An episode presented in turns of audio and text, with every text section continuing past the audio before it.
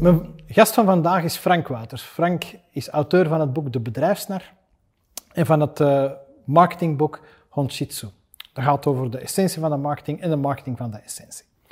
Frank, om met de deur in huis te vallen, wat is er aan de hand in retail?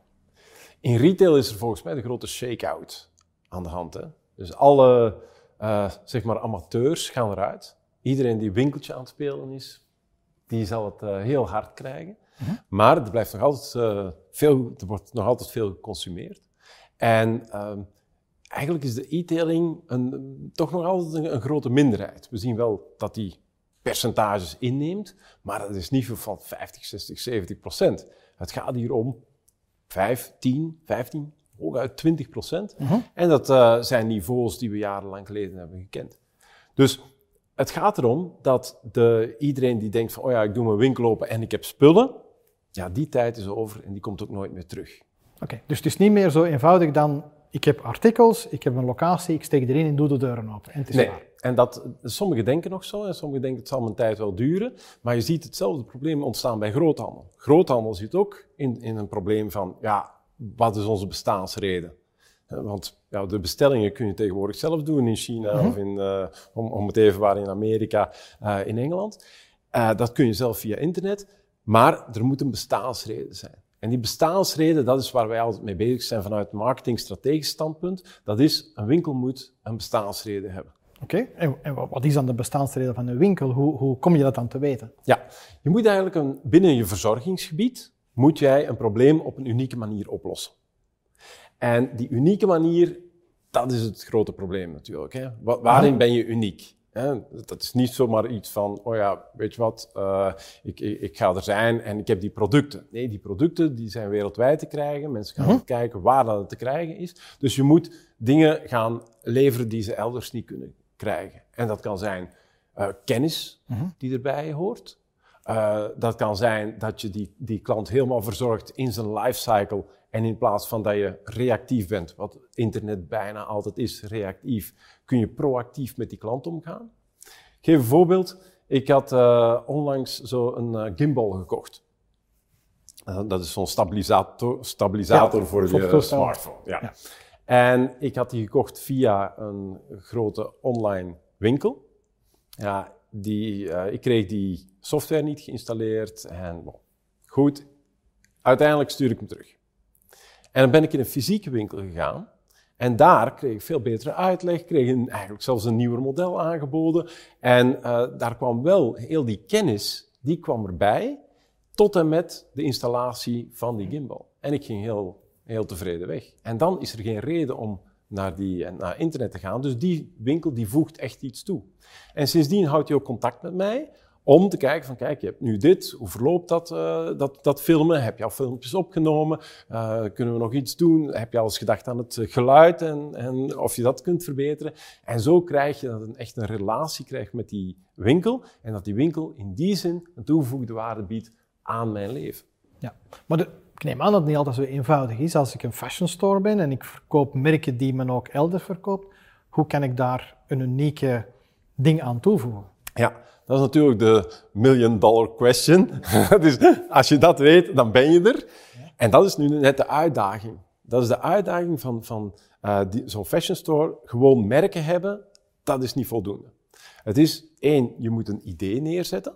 Dat idee, het concept, hè. de bestaansreden is die uitwerking van het concept. Je moet heel specifiek zijn dat die merken, als je met merken werkt, dat die ondersteunend zijn aan je concept. Maar dat die mensen niet komen voor dat merk. Dus een heel delicaat evenwicht. Want als mensen komen voor het merk, ja, wie heeft dan die klant? Het merk. Ja. Als, uh, als je komt voor de winkel, dan is de winkel eigenaar van de klant. En daar draait het om. De, de, in de retail draait het om wie heeft de klant? Waarvoor komt hij?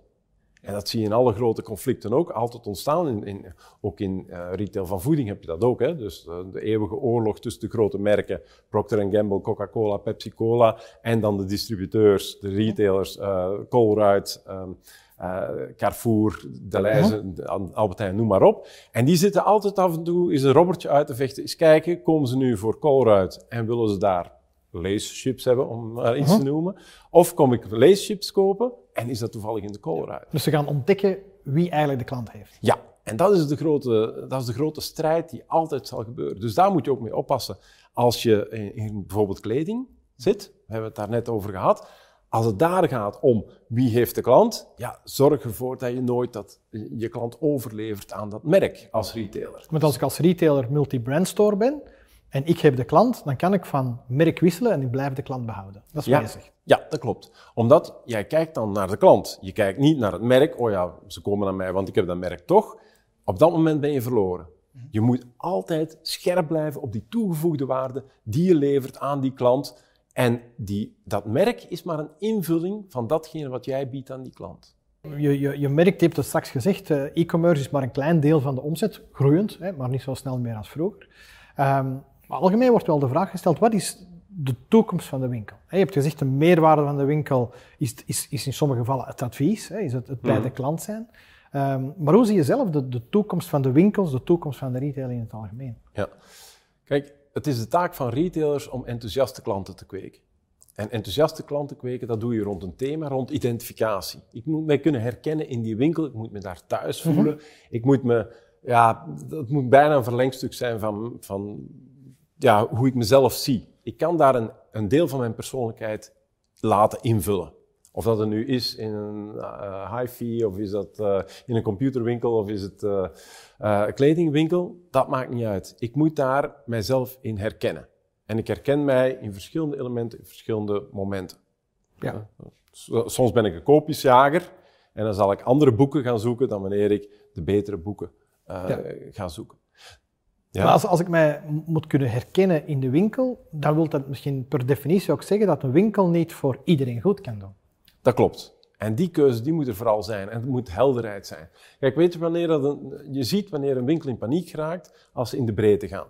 Dan gaan ze in de breedte, gaan ze van alles doen, gaan ze van alles bij doen. Ik heb zelfs een tuincentrum gezien dat zonnebrillen begon te verkopen. Ja, dan weet je, dat, dat is op sterven na dood. Dat is bijna klaar. Of een kapper die juwelen begint te verkopen, vergeet het. Dat is zo'n laatste stuiptrekking. Het gaat erom dat je net in de diepte gaat. Dat je eh, strakker gaat op, op die concepten en dat je die klant helemaal inpakt in die sfeer. En dat is, eh, ja, in het buitenland heb je Italy bijvoorbeeld, wat een heel belangrijk eh, concept is. Je gaat daar binnen en alles draait rond Italiaans eten. En dat is, op dat moment identificeer ik mij als iemand die geweldig houdt van Italiaans eten. Ja, dat is een speeltuin. Daar ga je speciaal voor naartoe. Dan zou je nog het vliegtuig naar nemen om in Milaan in Ja. die winkel te gaan. En dat is de motivatie die je moet gaan hebben om die klant naar je toe te krijgen. De tijd dat een klant zomaar de auto instapt of de trein opstapt, geld betaalt om ergens te zijn, die is klaar. Dat is wat je in je boek je identificatiecluster noemt. Ja, identificatiecluster. En dat betekent ook, identificatiecluster betekent dat mensen zichzelf op verschillende momenten, op verschillende manieren identificeren. Als ik bij, zeg maar, rituals ga, eh, dan identificeer ik mij waarschijnlijk omdat ik een cadeautje ga geven bij iemand waar dat ik dan helemaal niet mis kan gaan en net iets beter dan, dan gewoon. Maar de volgende, eh, ik ga twee deuren verder en dan ga ik bij een boekenvoordeel binnen om eens te kijken van, goh, ja, weet je wat, oh, hier kan ik eh, op een heel goedkope manier toch nog een leuke roman eh, krijgen van, van Stephen King. En dan ben ik totaal iemand anders. En op die identificatie, daar moet de retailer op werken en die moet de mensen op die manier ook binnenkrijgen. Ja, dat is wel een hele uitdaging. Dat is een hele uitdaging, omdat de steden hebben een deel die functie verloren. Ehm, en retailers kunnen daar niet meer op rekenen. Het is niet omdat je gewoon op, in- op de mer gaat zitten, dat je winkel een succes wordt. dat, is, dat is klaar. Een goed concept trekt mensen ook buiten die centra. En wat je dan overhoudt aan huur, dat kun Ja, je weer in promotie, concept. eh, eh, in je concept investeren. Mooi. Inderdaad. Je spreekt over identificatie. De klant in de winkel identificeert zich met de winkel, gaat over tot aankoop en dan gaat hij, verlaat hij de winkel. Ja? Hoe moet ik dat zien in het, in het online verhaal? Eh, kan je die identificatie in dat gedrag verder zetten online en hoe hou je die klant daar dan vast? Ja, kijk, mensen bevinden zich niet altijd in dezelfde identificatie. Als jij, eh, eh, als jij met je vrienden iets gaat drinken, zit je in een andere identificatie dan wanneer je met je schoonmoeder gaat eten. Ik hoop dat je dan niet hetzelfde gedraagt. Andere identificatie. Inderdaad. Dus, dus je kunt dat niet permanent volhouden. Je moet ook niet hopen dat iemand altijd in diezelfde identificatie zit. Maar je moet dat timen. En je kunt dat timen door inderdaad die klanten regelmatig in die identificatie te brengen. Want als je dat niet doet, dan loop je het risico dat die eruit valt. En dus je moet die relatie gaan onderhouden. Je moet voortdurend met die klant op gezette tijden eens zeggen van, goh, zou je eens niet in mijn identificatie komen? Ik zeg het een beetje, eh, ja, niet zoals het hoort, maar eh, je begrijpt wat ik bedoel. Die, je moet die af en toe zeggen van, goh, denk nog eens aan die identificatie waarin dat je zit. En dat moet een heel prettige ervaring zijn. Dat moet zijn van, ah ja, goh, uh, bijvoorbeeld uh, als je golft van, ja, misschien moet ik eens iets nieuws uh, kopen. En dan moet regelmatig opgefrist worden, dat je dan ook in die sfeer komt van die bepaalde golfing. Dus het is de taak van de retailer om, om in connectie te treden met mij als consument, om, om te laten weten, ik ben er nog en dat zijn zaken die ik voor u Dat is het verschil tussen het winkeltje spelen en, en, de, en de topsport. En de topsport. Dat is, dat is het verschil inderdaad. Als jij het winkeltje speelt, dan wacht je tot hij terug in de identificatie komt. Als je topsport bedrijft, dan zorg je ervoor dat hij terug in de identificatie komt. Frank, heb je voor de retailers nog de gouden tip? Een gouden tip? Ik, ik zou een woord van aanmoediging willen geven aan de retailers. Want retailers zijn absoluut noodzakelijk voor het sociaal weefsel van onze steden en onze gemeenten. Denk erom, retail wordt topsport. Dat betekent dat je niks fout mag doen. Maar het goede nieuws is, er is geen enkele klant die bij je binnenkomt en die zegt, hier kom ik nooit meer terug. Dus als je niks fout doet, je hebt een goede uitstraling naar buiten en je doet niks fout binnen, dan heb je die klant en dan zul je die klant opnieuw krijgen. Bedankt voor de inspirerende woorden en uh, succes. Ja, bedankt.